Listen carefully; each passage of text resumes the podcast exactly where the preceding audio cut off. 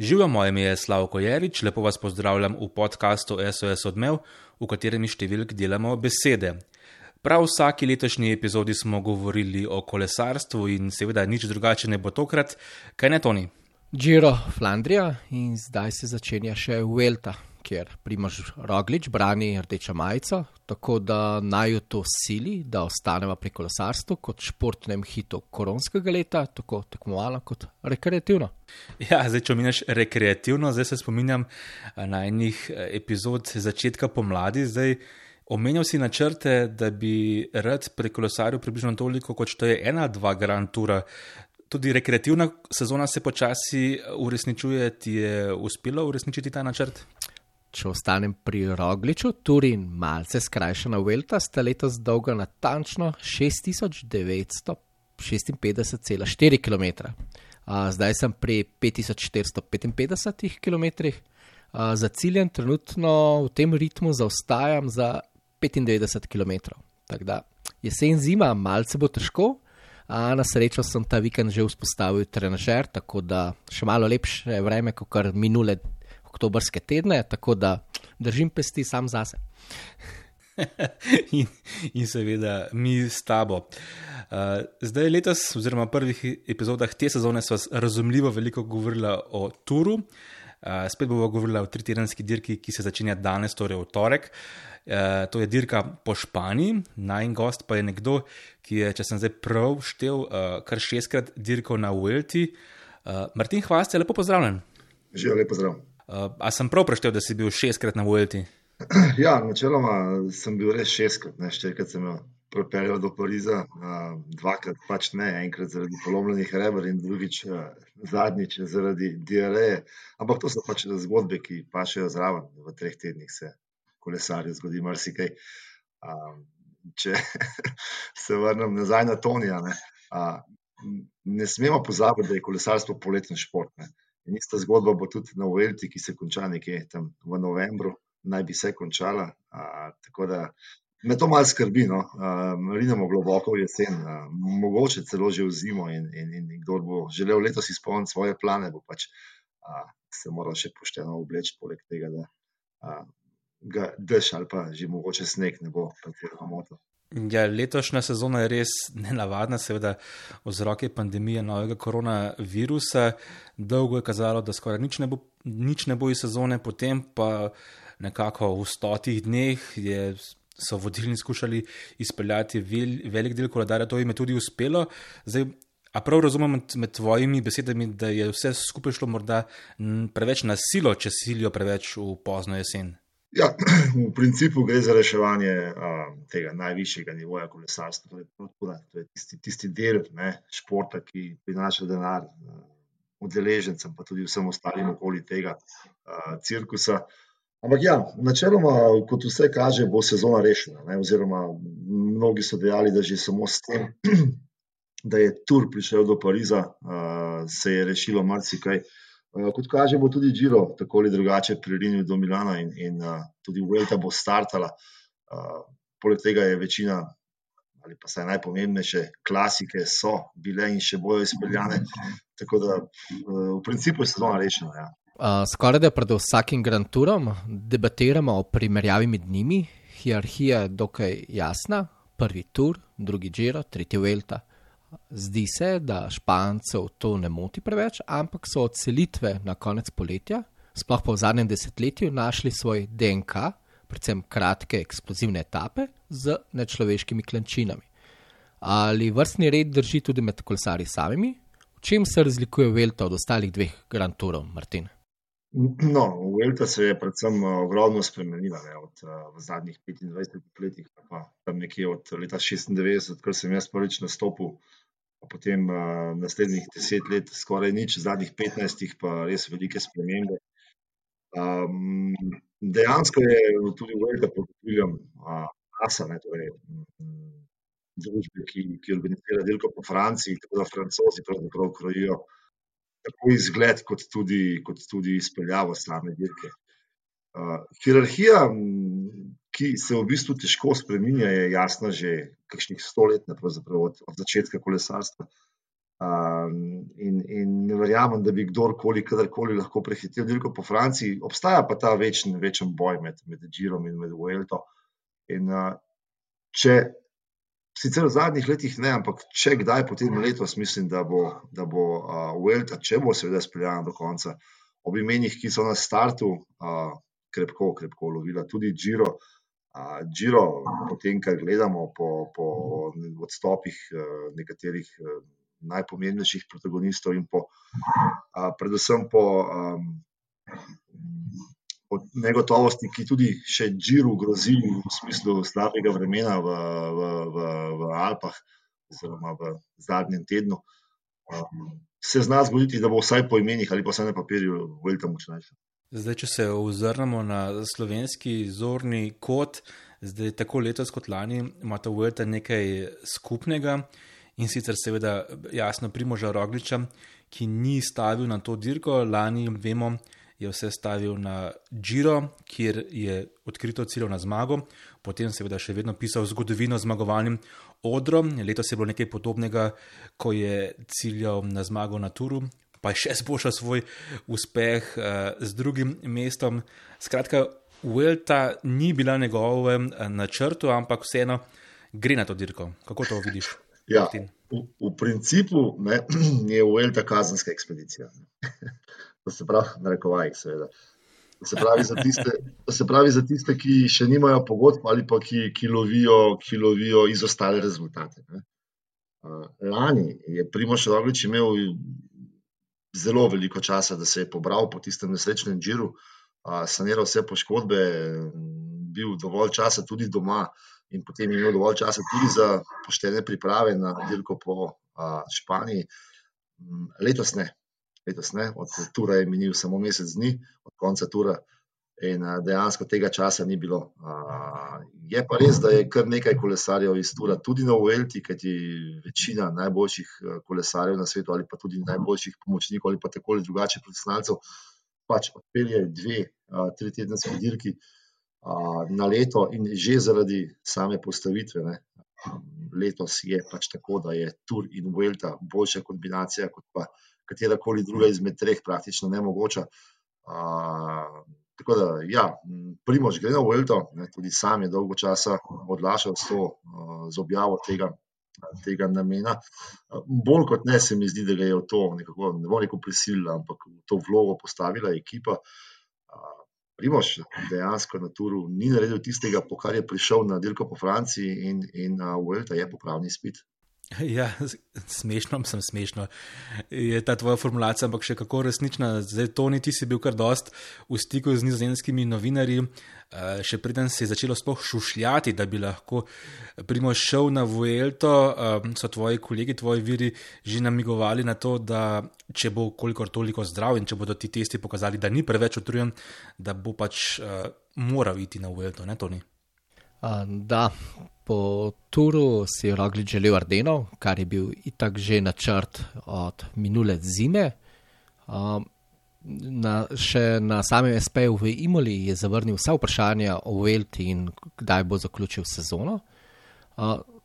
Sočasno so pa dali ravno nizozemski kolegi vedeti, da ga ekipa želi na vsak način v Španiji.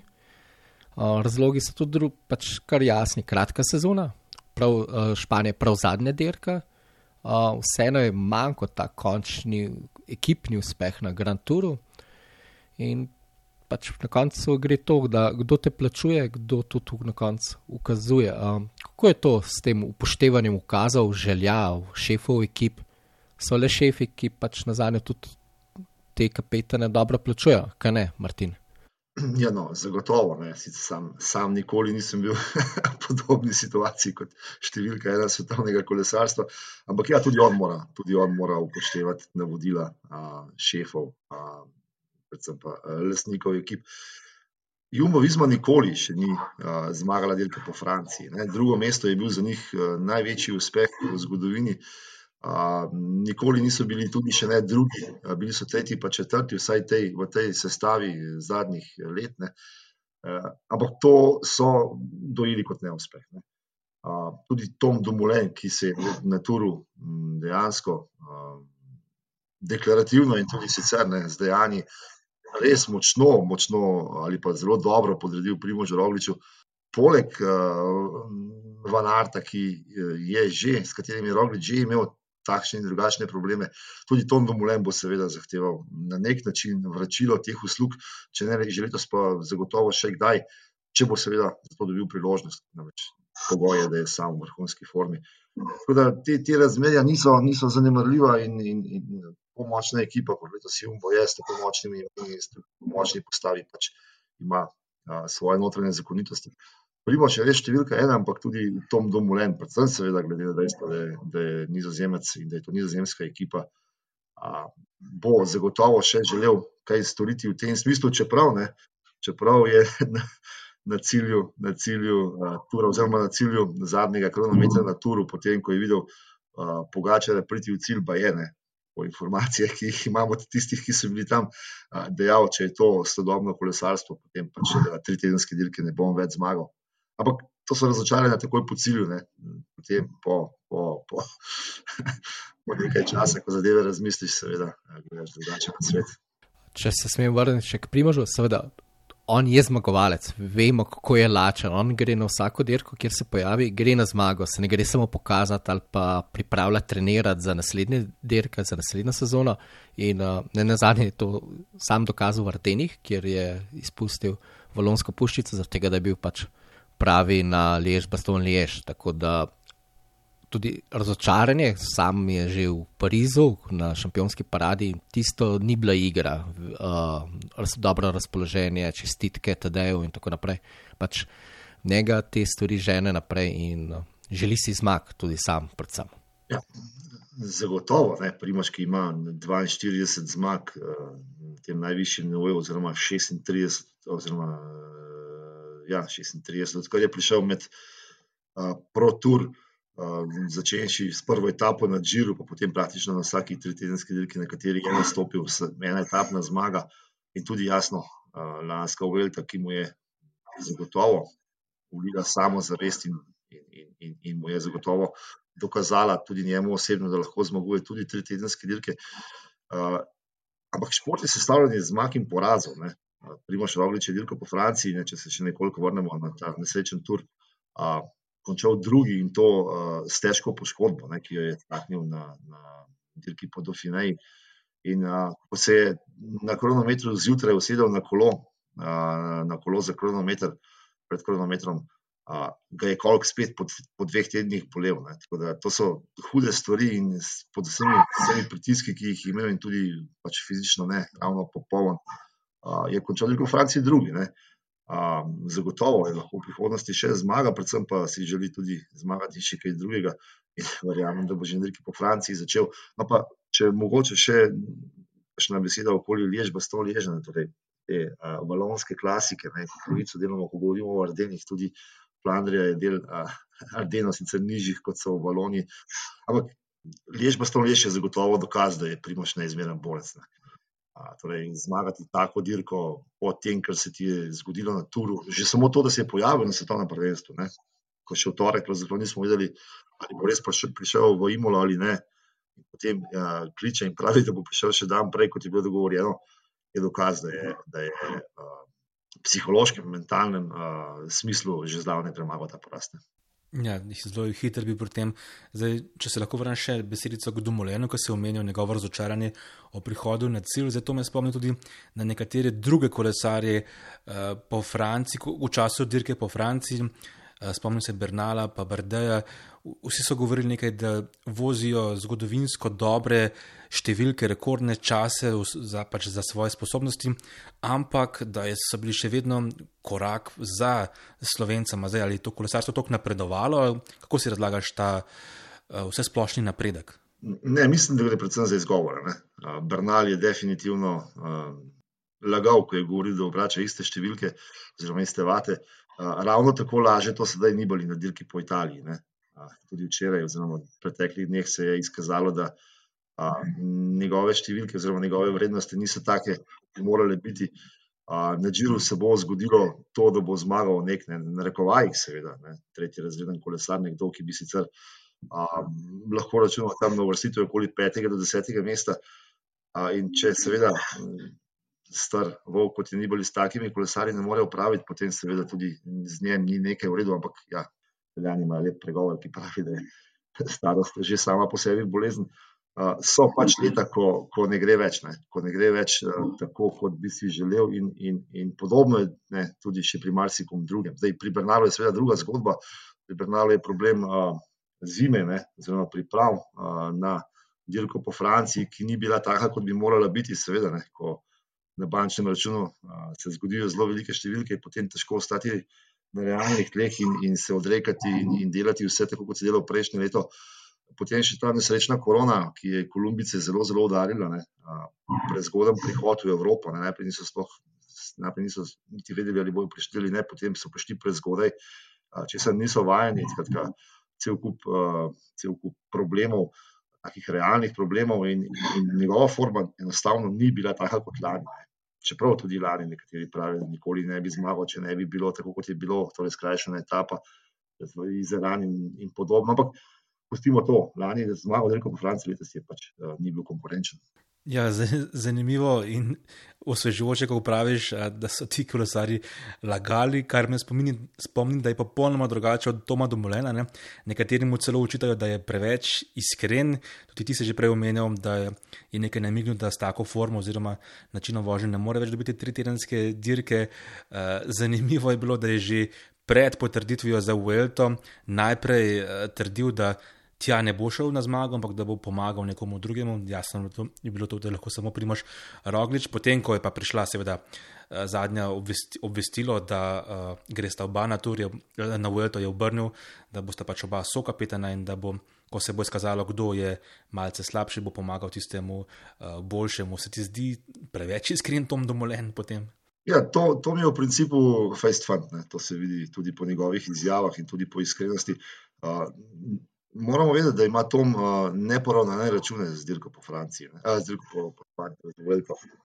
Še pred leti, ko je bil v situaciji, da bi jo lahko zmagal in je praktično vodil do zadnjih dni v gorah, in potem vse skupaj izgubil na račun bitke med uh, Španci oziroma nenehnih napadov, uh, je izgubil to uh, dirko po, po, po Španiji res v zadnjem trenutku ampak izkazal vrhunsko formo in ob, če, ob primerni pomoči ekipe, ki je takrat ni imel, bi lahko tudi že takrat zmagal na dirki po Uelti.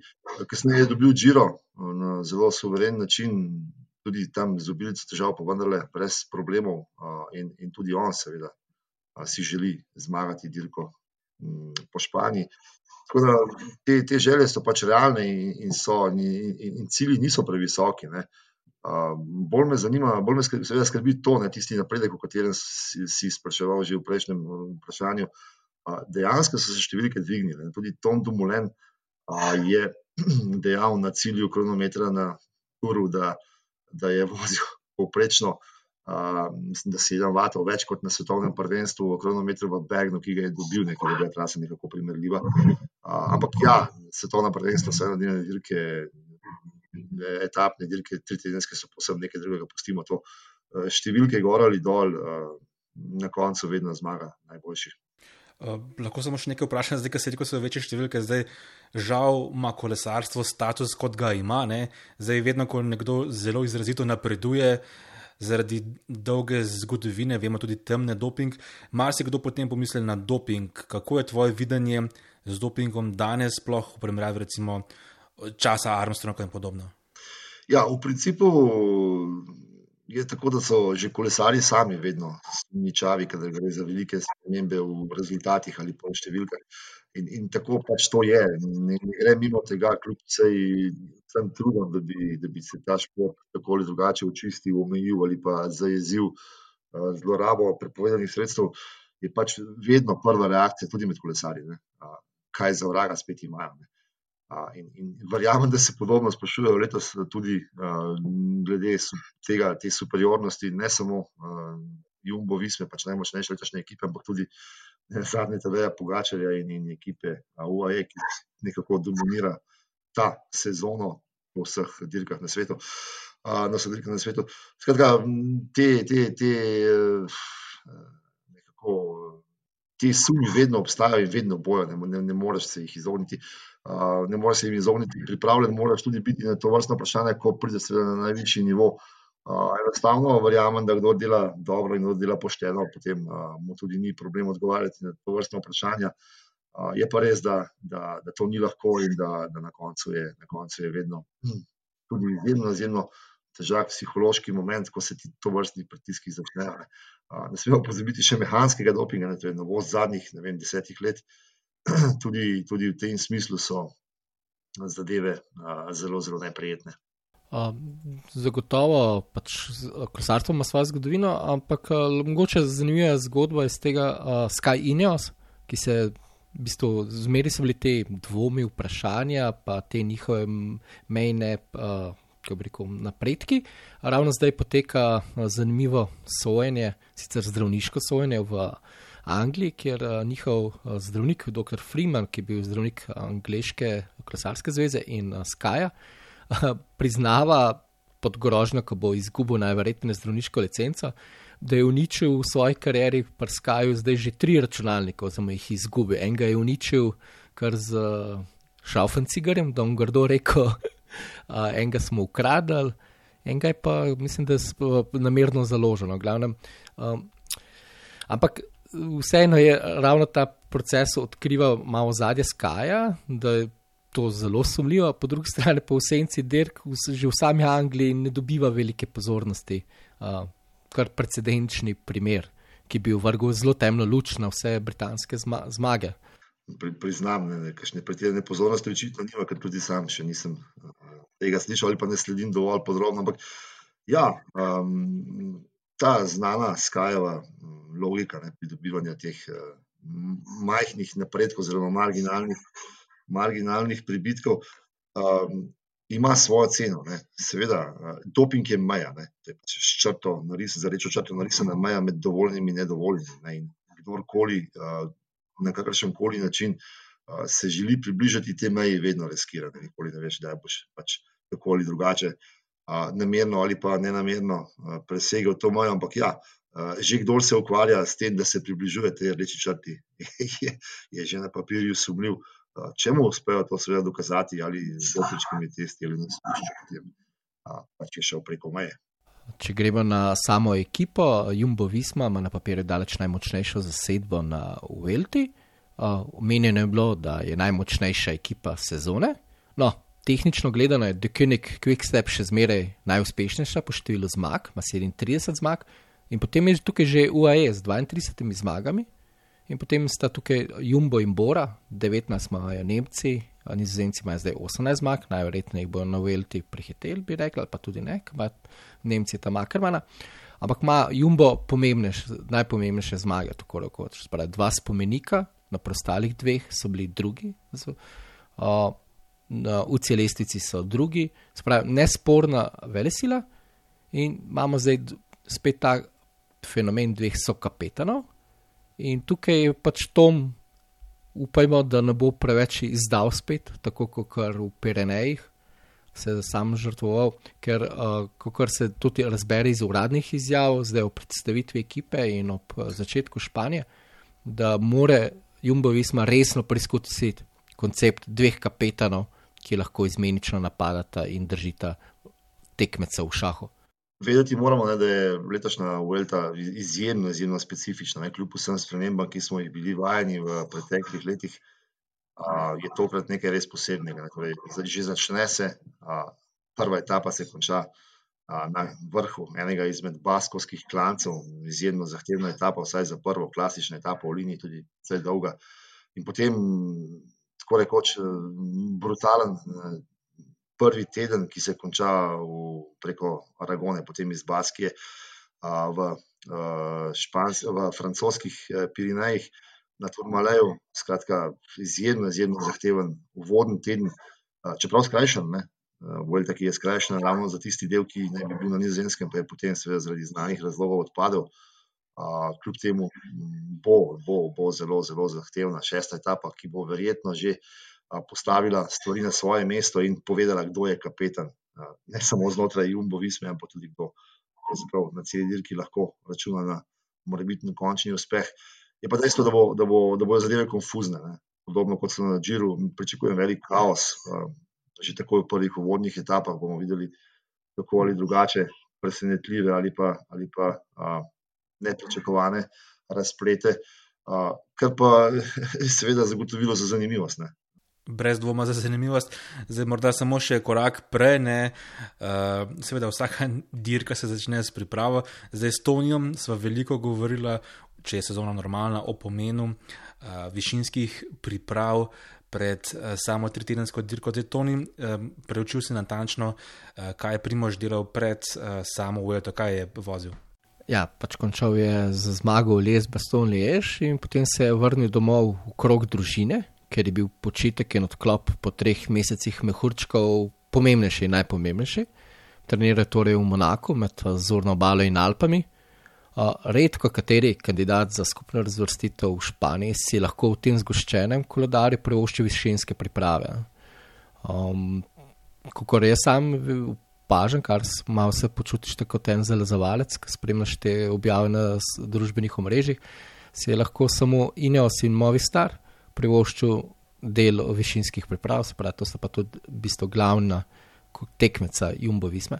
Uh, Martin, povej, kako pomembne so višinske priprave in koliko to sploh pomembno v tej fazi zaključku te koronske sezone.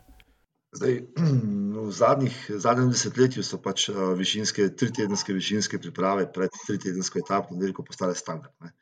To je preizkušen, preizkušen model priprave na na tako zahtevno preizkušnjo. Tri tedne, potem teden dni premora in pa začetek tri tedenske dirke. Ne, formule se spremenjujejo za kakšen dan, gor ali dol, seveda odvisno od tega, koliko je časa in kje so vmes pripravljene dirke, ampak, ampak tukaj ni improvizacije. Ne, ali se zadeve naredijo tako, kot se morajo narediti, ali pa se jih ne počne. Ne. Lani je imel Primoš veliko več časa, ravno zaradi tega, ker je bilo med Džirom in Vuelto ogromno časa, da se je tega lotil resno. Letos se je pač eh, lotil, narekovajo, da dirke po Španiji malo manj resno. Čeprav to še ni nujno, da bo zaradi tega v, v slabši formi ali pa slabše pripravljen. Psihološki, mentalni vidik je pomemben. Ne na zadnje, tudi tri tedenske priprave se delajo ravno zaradi tega, ali pa tudi zaradi tega, pustimo višino in, in, in procese, ki se dogajajo v telesu na veliki nadmorski višini. Ampak tudi zaradi tega psihološkega momenta, torej zdržati tri tedne od doma in potem, um, potem uh, se pripraviti tudi na ta način na dirko.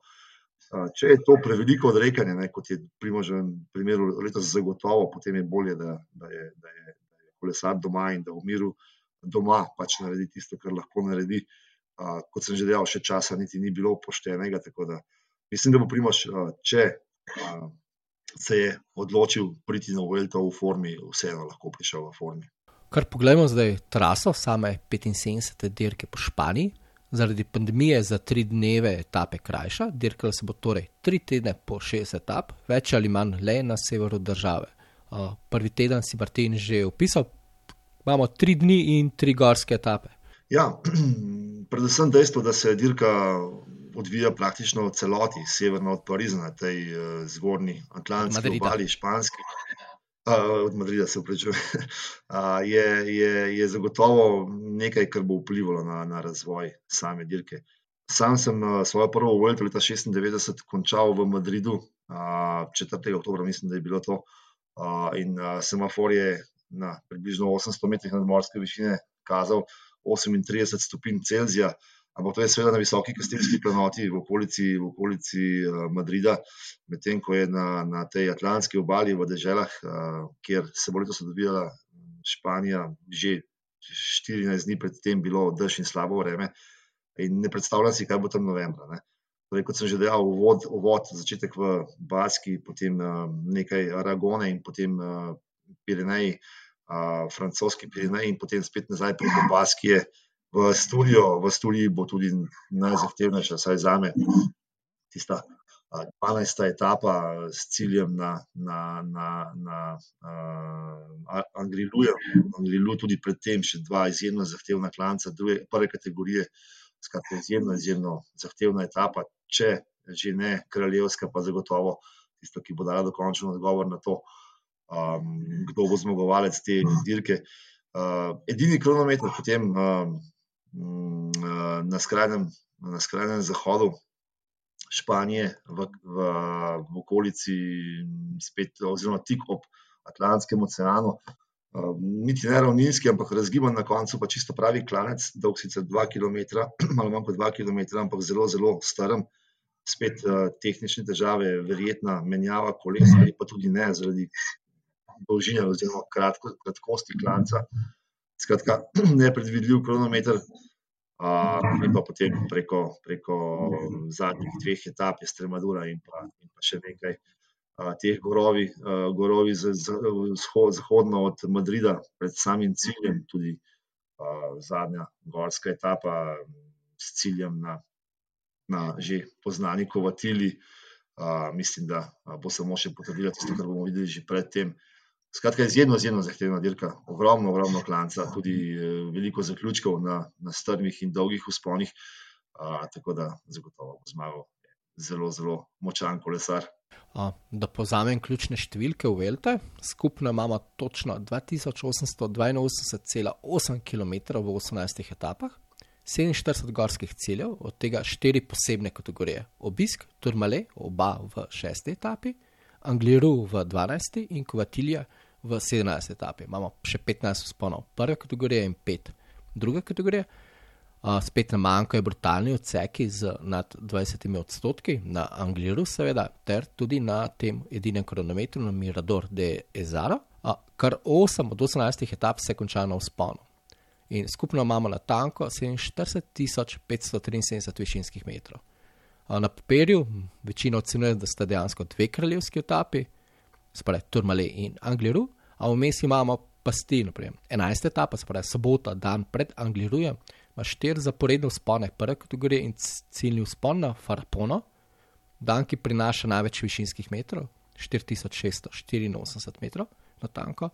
Potem je pa še ena past v 15. etapi, v zadnjem tednu, pet gorskih ciljev, tretje kategorije, a vse skozi gori, doli in prek 4000 višincev. Um, če se vrnem na Turmale, sneg je glavna, glavni strah in vprašanje, pred dvema tednoma so že tam bili turni smočari, ne pa kolesari. Uh, kako, je mo, kako je možno jeseni, je mo, nekateri pravijo, da je jeseni lažje iti v, v, v sneg, kakor spomladi. Ja, ne, najhuje je dež, pa 5-6 stopinj. Ko enkrat sneži, potem so stvari že jasne. Ampak um, težava tega severnega dela um, Španije ne, so nenehne padavine. Ne. Torej, Asturija je znana po izjemni količini padavin, ravno tako Baskija, tudi ta uh, zahodni del Pirinejev. In, in uh, dež, ki 5-6 ur uh, moči, no, tudi nekatere etape so krajše, ampak ti najdaljši so dolge okoli 5 ur, uh, kolesarje je seveda tisti, ki ti pobere največ energije. Ne. Če leži nekaj centimetrov snega ob cesti, ki je padal prejšnji dan, je potem lep dan in je cesta splužena, seveda ni nobene, nobene težave, nobenega problema. Predvsem na usponih te nikoli ne zebe, zebe te predvsem na spustih. Ne. Tako da, če na Turmaleju ne bo res črn dan, torej tisti dan močno spodaj deževalo, zgoraj snežilo, bojo morda. Izbrali alternativno traso in skrajšali, da nimo uh, prelas v pisk, ne, uh, etapo za prelas v pisk. Potem na sam cilj ni težko priti. Ne. Problem so spusti, problem so dolžine, problem so te, vsem um, ta studijska etapa, uh, kjer lahko dežuje cel dan in kjer se dogaja marsikaj. Uh, tako da, ja, Če pa bodo dnevi lepi, potem seveda ne bo težav. Je pa res, da še nikoli nismo v teh krajih dirkali novembra in, in nihče pravzaprav ne ve. Tudi v tem smislu, vremenske, kaj jih čaka. Uh, Martin, ti si sam bil na Angliji, dirko tam leta 2000, sem šel pogledat skozi zide. Kako se spominjaš tega? Za večino je kar enotnega mnenja, da je to najbolj zelo glasni klanec v profesionalnem cestnem kolesarstvu ob Zankolanu. Ja, mislim, da je bila to celo prva izvedba, ne, dirke, vsaj v Velte na, na, na Angrilu. Uh, spominjam se te etape kot nič posebnega. Uh, predtem je bil zunaj močan beg in ta beg je šel potem do cilja. Uh, na sam klanec pa smo v ozadju, seveda, nekako pririnili A, bilo je toliko gledalcev ob cesti, da, da nam sploh ni bilo težko. V tistih časih tudi kontakt med gledalci in med, in med, uh, med kolesarji še ni bil prepovedan. Ne. In uh, tistim zadnjim ne, so nam krepko pomagali na vzgor. Uh, zelo, zelo nepredvidljiv klanec, stopničas. Ne. To ni konstanten uspon, kot je Nimo Zonkolan, ker ne vem, nekaj kilometrov ali pa 8 km ne popušča. Uh, na grilu gre v bistvu zelo strmo, pa se potem poravna, pa zopet zelo strmo in se spet poravna. Uh, tako da dejansko se ga da prevoziti tudi, uh, tudi lažje, kot pa te uh, konstantne uspone, z, morda brez serpentin, uh, z, z, z, z vedno istimi nakloni. Tako da sam nimam kakšnih posebnih, uh, mučnih spominov na ta klanec. Je pa res, da jaz sem se pač boril za preživetje na takih klancih. Ki, tisti, ki jih gledamo, tisti, ki jih gledamo uh, v TV prenosih, se pač borijo za nekaj drugega, torej za zmago. In, in, in njih bi morali vprašati, kako se izgleda. Ja, tisti, ki se borijo za končno zmago, so res dobri in morajo biti dobri v vseh prvinah. Eh, zdaj, večkrat priznam, da sem jaz izjemen navdušenec nad kronometri. Eh, zdaj, trend, saj zdi se, da na teh največjih dirkah v zadnjih časih je, da je teh voženj na čas nekoliko manj, kot jih je bilo recimo pred desetimi, morda dvajsetimi leti. Eh, kako gledaš ti, Martin, na to evolucijo pomembnosti vožnje na čas na tritedenskih dirkah? Ja, to je zanimiv trend, ki dejansko je, kot si dejal, prisoten. Če so še, denimo, kronometri v preteklosti ali pa v, moji mladosti, ne, ko sem začel spremljati kolesarstvo, krili uh, predvsem razplet uh, Tura. Torej, če se spomnim Miguela Durajna, ki je na kronometre pač deklasiral konkurence, se potem enostavno na klance vozil, koliko hitro se je lahko vozil, ampak nikoli mu niso oduzeli tistega, kar je pridobil na kronometrih, ki so bili ponovadi trije, ne, tega eden ekipen dolg okoli 70 km, tudi sam sem še vozil 75 km dolg ekipni km na turu. Tega seveda ni več. Ne. Predvsem mislim, da je šlo tukaj za, za tako ali drugače želje organizatorjev, oziroma tistih, ki, ki, um, ki vodijo kolesarstvo od zgoraj, uh, da pridejo do izraza tudi, uh, tudi tisti kolesari, ki sicer ne bi uh, nikoli mogli zmagati etapni dirk, pa še vedno jih ne morejo. Ne. Dejstvo je, da tudi, da nimo, če se spet vrnem 30 let nazaj, tudi Marko Pantani je redko zmagoval tri tedenske etapne dirke, predvsem tu je zmagal samo enkrat. Uh, tudi zato, ker je, ker je izjemno, izjemno trpel na kronometer. Uh, in podobna zgodba je še danes. Ne, tisti naj, najboljši specialisti za ospone, najboljši klancari. Uh, imajo težave, in, in ne glede na to, kako je dirka prirejena, niti na koncu, ponavadi, uh, ponavadi vedno potegnejo krajši konec. Tako da sicer ne, upada, uh, upada vpliv kronometra na razvoj, na, na, na razplet uh, največjih dirk, ampak po drugi strani je pa še vedno uh, kompleten kolesar tisti, ki lahko zmaga tretjinsko dirko. Zelo malo časa je bilo tudi za same izvidnice, oglede na terenu, uh, zlasti Primoš, pa Tom kot uh, favorita. Kako odpraviti to hibo? No, dejansko večino od teh vsaj ključnih momentov dirke, ne vedeti, moramo tudi izvidnice, so vedno samo po ključnih etapah, oziroma ponovadi po tistih etapah, ki so nove. Ne. Tule na dirki po Španiji gre vendarle za, za znane klance. Ne. Turmale se vodi, vozi z zahodne, torej težje smeri, vsi ga dobro poznajo, če ne z sponov, pa spustov, tudi lani na Turu so ga vozili z te smeri.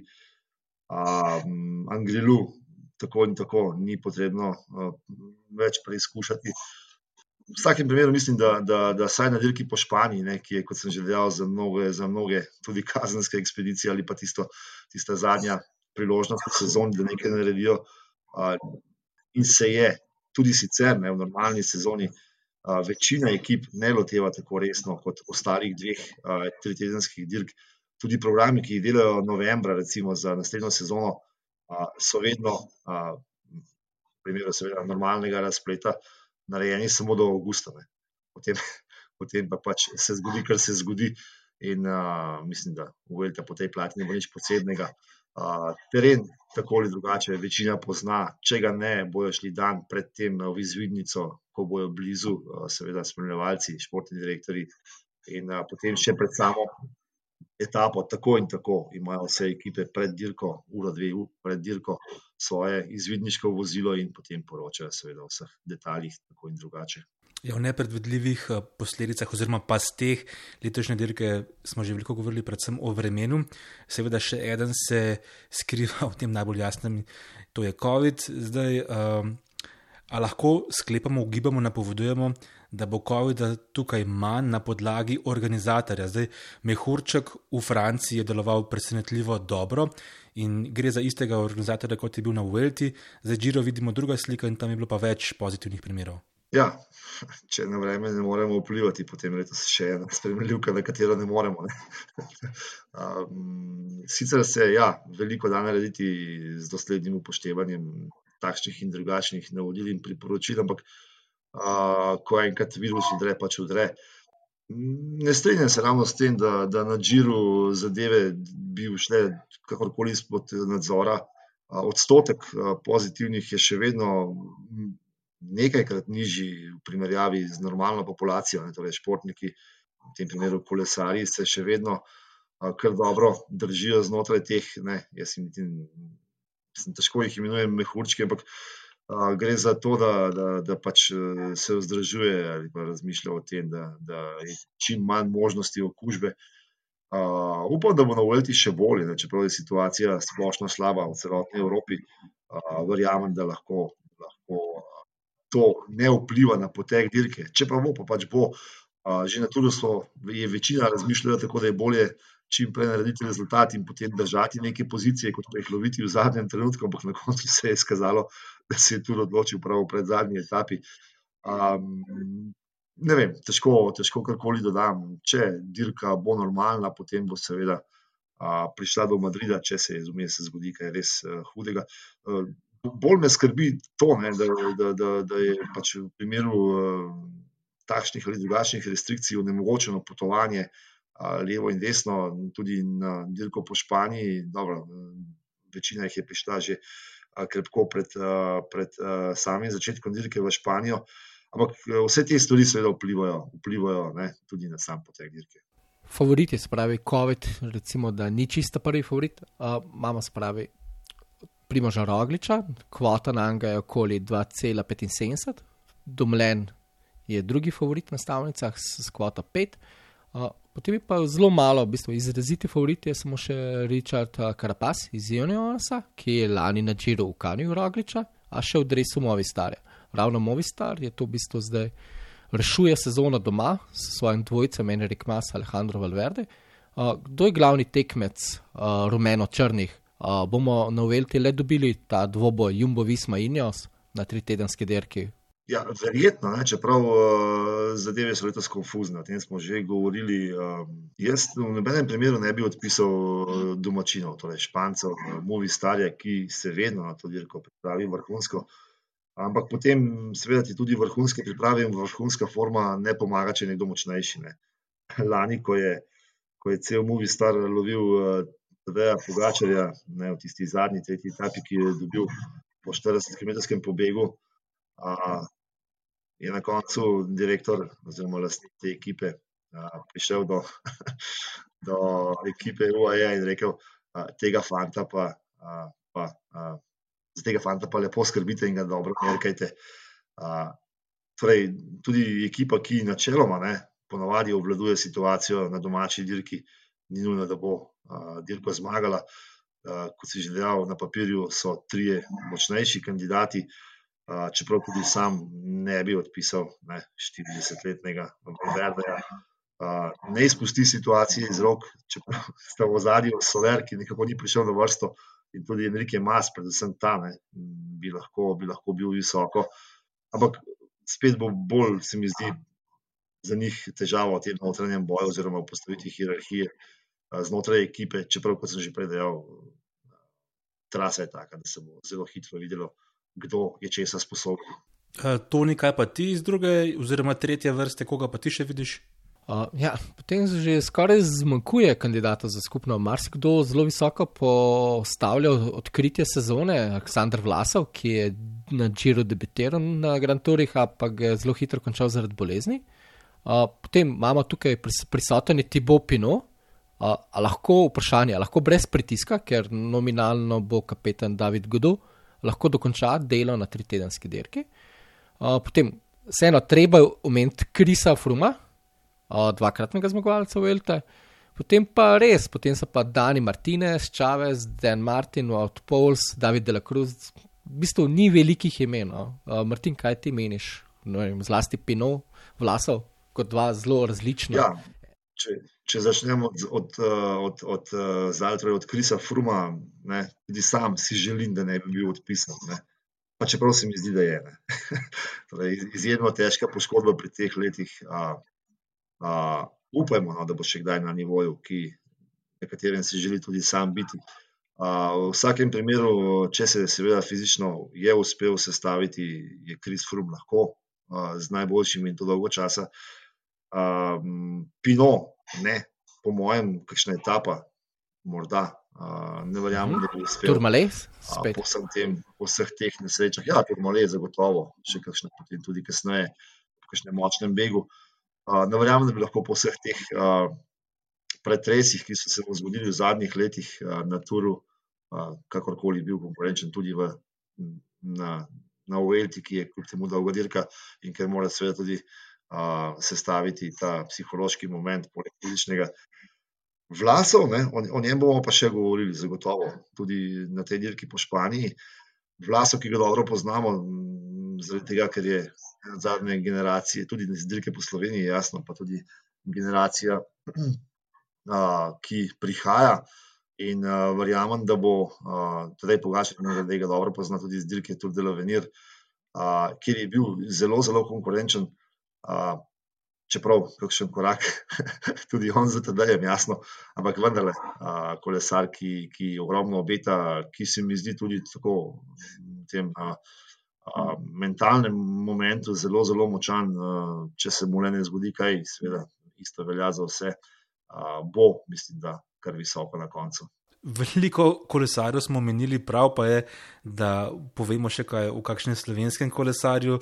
Eh, Roglič ne bo edini slovenec. Uh, povemo kaj o Mateju Mohoriču. Ne povedal je, da bo tokrat lovil etapne zmage, kar se mi zdi zelo lepo. Namreč vemo, da je zelo nadarjen, nadarjen inteligenten. Vemo o mladinskih konkurencah dva naslova svetovnega prvaka, tudi zelo lojalen. Ko ima nalogo, da je pomočnik, to vedno pridno naredi uh, zdaj. Nas, za njegovo srečo, za na srečo slovenskega kolesarstva, pa se zdi, da ima na tej dirki proste roke, kar pomeni, da lahko naredi tudi kaj zelo odmevnega. Ja, zagotovo. Ne, ko seveda ekipa reče, da je Bahrain McLaren, reče, da je a, kapetan Matej Mohorič, potem seveda to pomeni, da ima proste roke. Ne. Torej, lahko dirka zase. A, vemo, da Matej Mohorič takšne dirke, kot je letošnja Uvelta, ne more končati vem, na zmagovalnem modru v skupnem seštevku. To je, te fizične predpostavke so bolj ali manj jasne. A, lahko pa seveda naredi ogromno. Ne, a, ne na zadnje, tudi če vzamemo za vzorec potek letošnje dirke po Italiji, torej Džira, a, vidimo, da se dogajajo stvari, ki jih nihče ni naprej predvidel. In o primernem razpletu, seveda, tudi Matej lahko naredi izjemno, izjemno veliko. Ne. ne samo v boju za etapne zmage, tudi kakšna, bom rekel, oblačene, katere izmed majic v uvodnih dneh, seveda ni izključeno. Vprašanje je, kdo bo kontroliral že prvo etapo, ne, a, se, ki se odvija v nepredvidljivih razmerah v Baski in potem s ciljem na, na, na prvi klanec, ki seveda še ni neskončno ali pa ne mogoče dolg in težak, se lahko seveda tudi, tudi Matejo obrnejo stvari v pravo smer. Po tem, kar sem slišal v preteklih dneh, je v vrhunski formi, trenirajo je zauzeto, tudi po tem, kar je pokazal na zadnje na dirki Veš Bastoneš.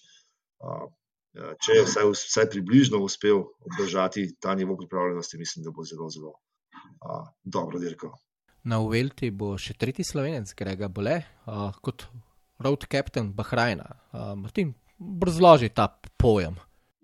Ja, letos se je nekako uveljavil ta angliški termin za cestne kapitane. Ne.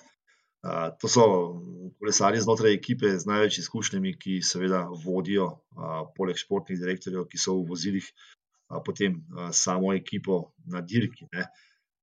Gre za kapitana, ki seveda ne nosi rezultatske odgovornosti. Ne. Torej, eno so tisti, na katere se dirka, drugo so pa seveda tisti, ki komandirajo. Ne.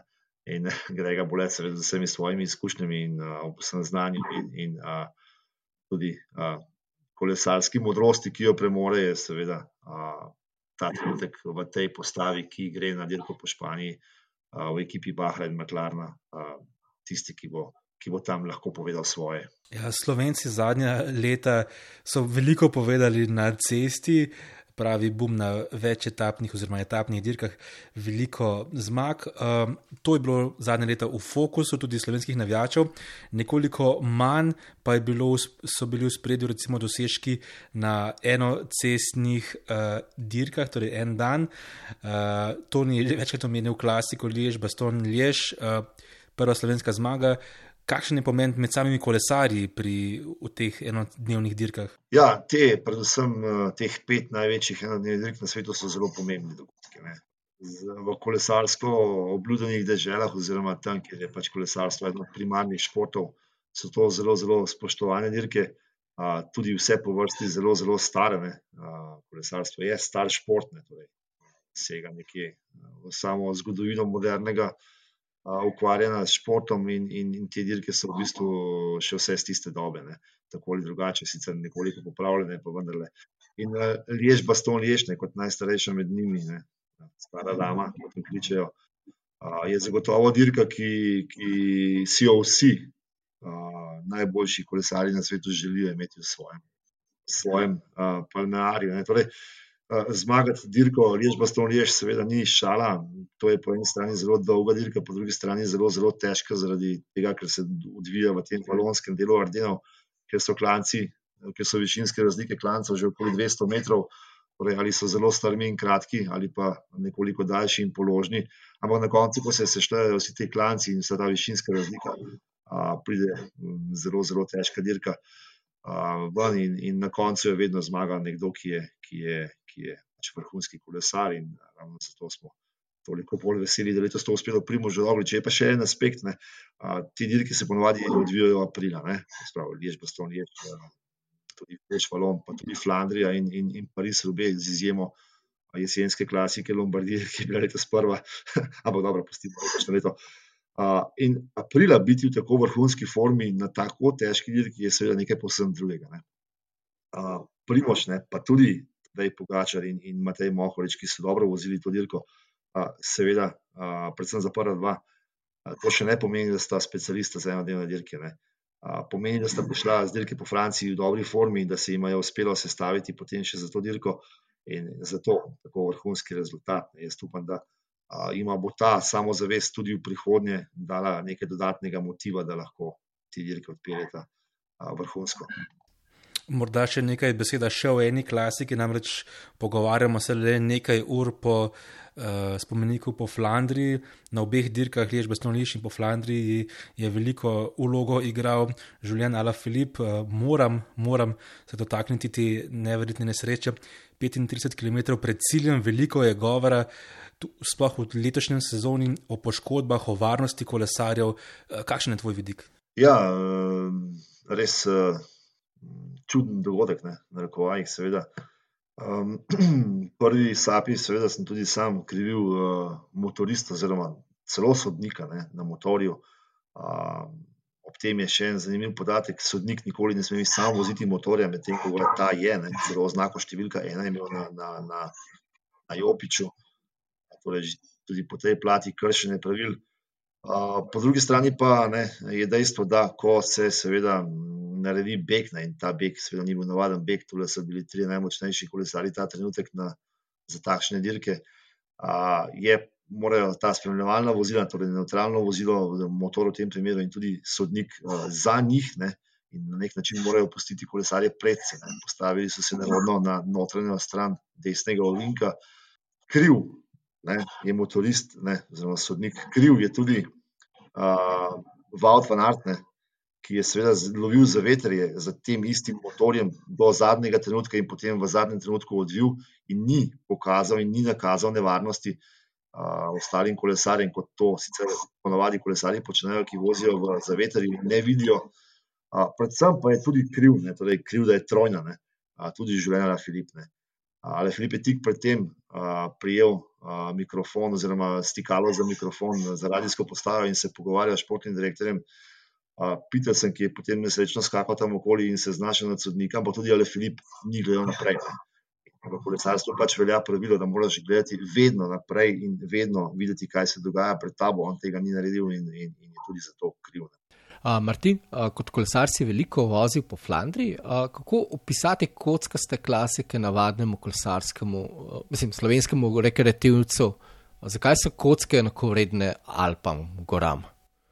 No, mislim, da tudi povprečni slovenski rekreativec, ki je še v starih časih vozil, vozil um, uh, maraton Franjo, ne, uh, ko je bil vrhniški klanč tlakovan, ve, kaj pomenijo kocke. Ne in kaj dodajo sami trasi oziroma cesti. Ne. Pa na vrhniški klanec so bile take mestne kocke, zelo lepe in gladke, tepih, v primerjavi s tem, kar, kar gledamo, a, predvsem na dirki Paris-Rubene, kjer so seveda te, te kocke, sploh niso kocke, ampak so skale nametane v blato med njivami in v gozdovih. A, zaradi tega narejene ceste, da so nekoč z vozovi sploh prišli ven iz tega blata. Jasno je, da, da, da, da takšna podlaga oteži dirkanje. Na, Flan, na Flandriji so kocke lepše, uh, so pa zato klanci strme, strmejši in, in mislim, na robe jih sploh ni, ampak tukaj pa so klanci tlakovani s kockami in tudi lepo vzdrževani, predvsem tisti naj, najznamenitejši med njimi. Ravno tako, tako gre za zelo, zelo stare ceste, uh, ki jih vzdržujejo, predvsem ali pa tudi zaradi te tradicije dirkanja po teh kockah. Uh, enostavno, ko prideš na kocke, imaš samo dve izbiri, torej ali voziš na polno, na vso močne, ali pa se ustaviš. Ne. In eh, kdo na kockah leti, ne, torej ima primerno težo, da je sploh ustvarjal prijem na zadnje kolo in uspe oddajati primerno količino moči, a, potem se pelje hitro. Ne, a, ko se ne moreš več peljati hitro, se ustaviš in obstaneš na mestu. A, zato z vsakega, tudi ravninskega odseka kock na denimo trasi Paris-Roubaix.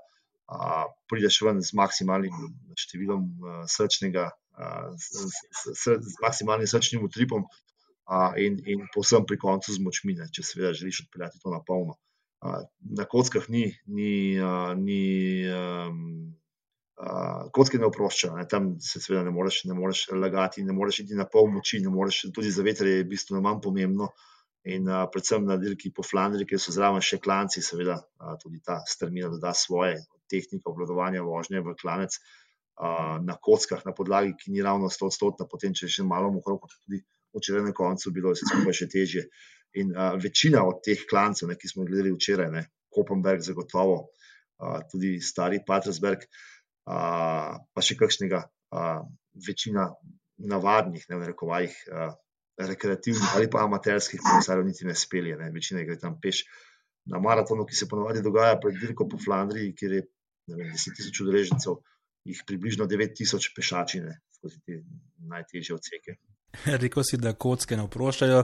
Upam in verjamem, da so nam poslušalci oprostili, ker je bil ta pogovor res dolg, res je bil eh, zanimiv. Premagali smo vse težke odseke, vse kocke, vse gričke, vse klančke, zdaj se prihajamo počasi proti uh, fotofinišu tega pogovora. Martin, le še vprašanje, uh, kako boš ti spremljal tole dirko po Španiji? Ja, eh, tako kot večina ne, na kavču. Eh, verjetno bom, verjetno bom eh, v glavnem predremal. Med turom si tega nisem mogel privoščiti, ampak potem na cilju, ko se komentatorji začnejo deliti, se ponovadi toliko zbudim, da vidim, kaj se je zgodilo. Eh, navada v tej oddaji je, da končamo z zanimivostjo, ki je povezana s številko oddaje. Tole je 39. epizoda. Martin, si slučajno pripravil kakšno zanimivost o številki 39? Ja, 39 je hecna številka, ne, uh, ne pa še pravzaprav nikamor. Ne. Če, če poskušal sem ne, uh, najti karkoli pri Primožu Rogliču, ampak razen tega, da je bil uh, na dirki po Franciji v prvi, ne, in v, prvi etapi v Nici in v zadnji etapi v Madridu 39 nič takega, ne. te številke ne povejo, da osti v je šlo za skupinski šprint in pravzaprav sama številka ne pove ničesar. Ne. Bolj, bolj, me, bolj me spominja na leta. Ne. 39 let je imel lani a, španski metodor Alejandro Valverde, a, ko je končal drugi ne, med obima našima šampionoma, že Mrogličem in Pojem Pogačem. v Madridu na, na, na zmagovalnem modru. Uh, pravzaprav me ta številka 39 nekako bolj spominja na, na Valverde. Vemo, predvsem specialista za enodnevne klasike. Uh, štirikrat je zmagal, lež Baston, lež uh, petkrat balonsko puščico, svetovni prvak, ne, končno pri, mislim, da 37 letih uh, v Innsbrucku, potem ko je bil trikrat. Uh, oziroma štirikrat uh, drugi, in, uh, ne štirikrat tretji in dvakrat drugi. Uh, skratka, 39 je, mislim, da njegova številka, pa čeprav jih ima letos že 40. Ne. Ja, zanimivo. Tudi jaz se, se v tej rubriki se redko obračam na leta, ampak ko smo pri 39, sem tudi jaz pomislil na leto in sicer pred nekaj meseci je 39 let zapolnil Roger Federer, ki počasi končuje kariero. Uh, In to me spomni kot opozovalec dolgoletni šport, kako opazuješ, ko nekateri športniki prihajajo, pa so na vrhuncu moči, pa odhajajo, uh, res ta ves cikl. Uh, In nekako to ni, vem, da smo v istih letih, zdaj praktično v športu, skoraj da ni več aktivnih športnikov, ki bi bili uh, na enih letih, ne Toni. Valverde. um, 39 imam pa jaz uh, na dirko, 39. izvedba v Velte leta 1984 je prinesla najtesnejšo odločitev v zgodovini vseh treh Grand Tourov. Francos Erik Caritou je za vsega 6 sekund prehitev Španca Alberta Fernandeza. Uh, pred zadnji dan sta se vozila dve etapi v enem dnevu, popoldne je bil kronometer, kjer so še pol ure po koncu sodniki premljevali in računali zide, ki so pokazali, da je Karito ohranil 6 sekund naskoka. Uh, zanimivo pa, da uh, slovit pač Karito. To je bil njegov daleč največji uspeh v prvi sezoni na elitni ravni, da slovi kot za povsem čistega kolesarja v tistih 80 letih. No, vidiš, kaj se je rekel, so preračunavali matematika in številke, kako so pomembne. Uh, Martin, iskrena, iskrena hvala za tale res dolg in uh, poglobljen pogovor. Hvala vama za uh, dobro vprašanje. Uh, zdaj, imela smo navado tega, ti nisem niti vnaprej povedal. Uh, s Tonijem sem nepričakovano zelo pogosto spremljala tur, skoraj da na nekaj dni. Uh, bi bil slučajno pripravljen tudi v kakšnih prihodnjih dneh uh, skočiti za kakšno hitro analizo? Ja, mislim, da brez večjih problemov, če bo čas dopuščal. Ampak ja, časa, načelo, časa načeloma oktobra in novembra imamo kolesarje malo več. Uh, Toni, če bo torej šlo vse po redu, najbrž se slišiva še kaj predvsej pred koncem VLT. Ja, najverjetneje na prvi prosti dan VLT po Turmaleju, po šestih etapah, ko bo zelo veliko že jasno, kam sodi Primoš Roglič, kam sodi Jumbo, kam sodi Matej Mohorič, mogoče v kakšni etapi že. Uh, tako da jaz bi rekel, da kar da moramo se slišati na prvi prosti dan, uh, žal ne iz Pereneja, ampak kar osebno iz Pavžoga ali pa skoč. uh, upam, da tudi, dragi poslušalci, veste, kam sodi podcast SOS odmev. Upam, da na vaše telefone naložite si oddajo in upam, da se spet slišimo k malu. Srečno. Srečno. Živijo.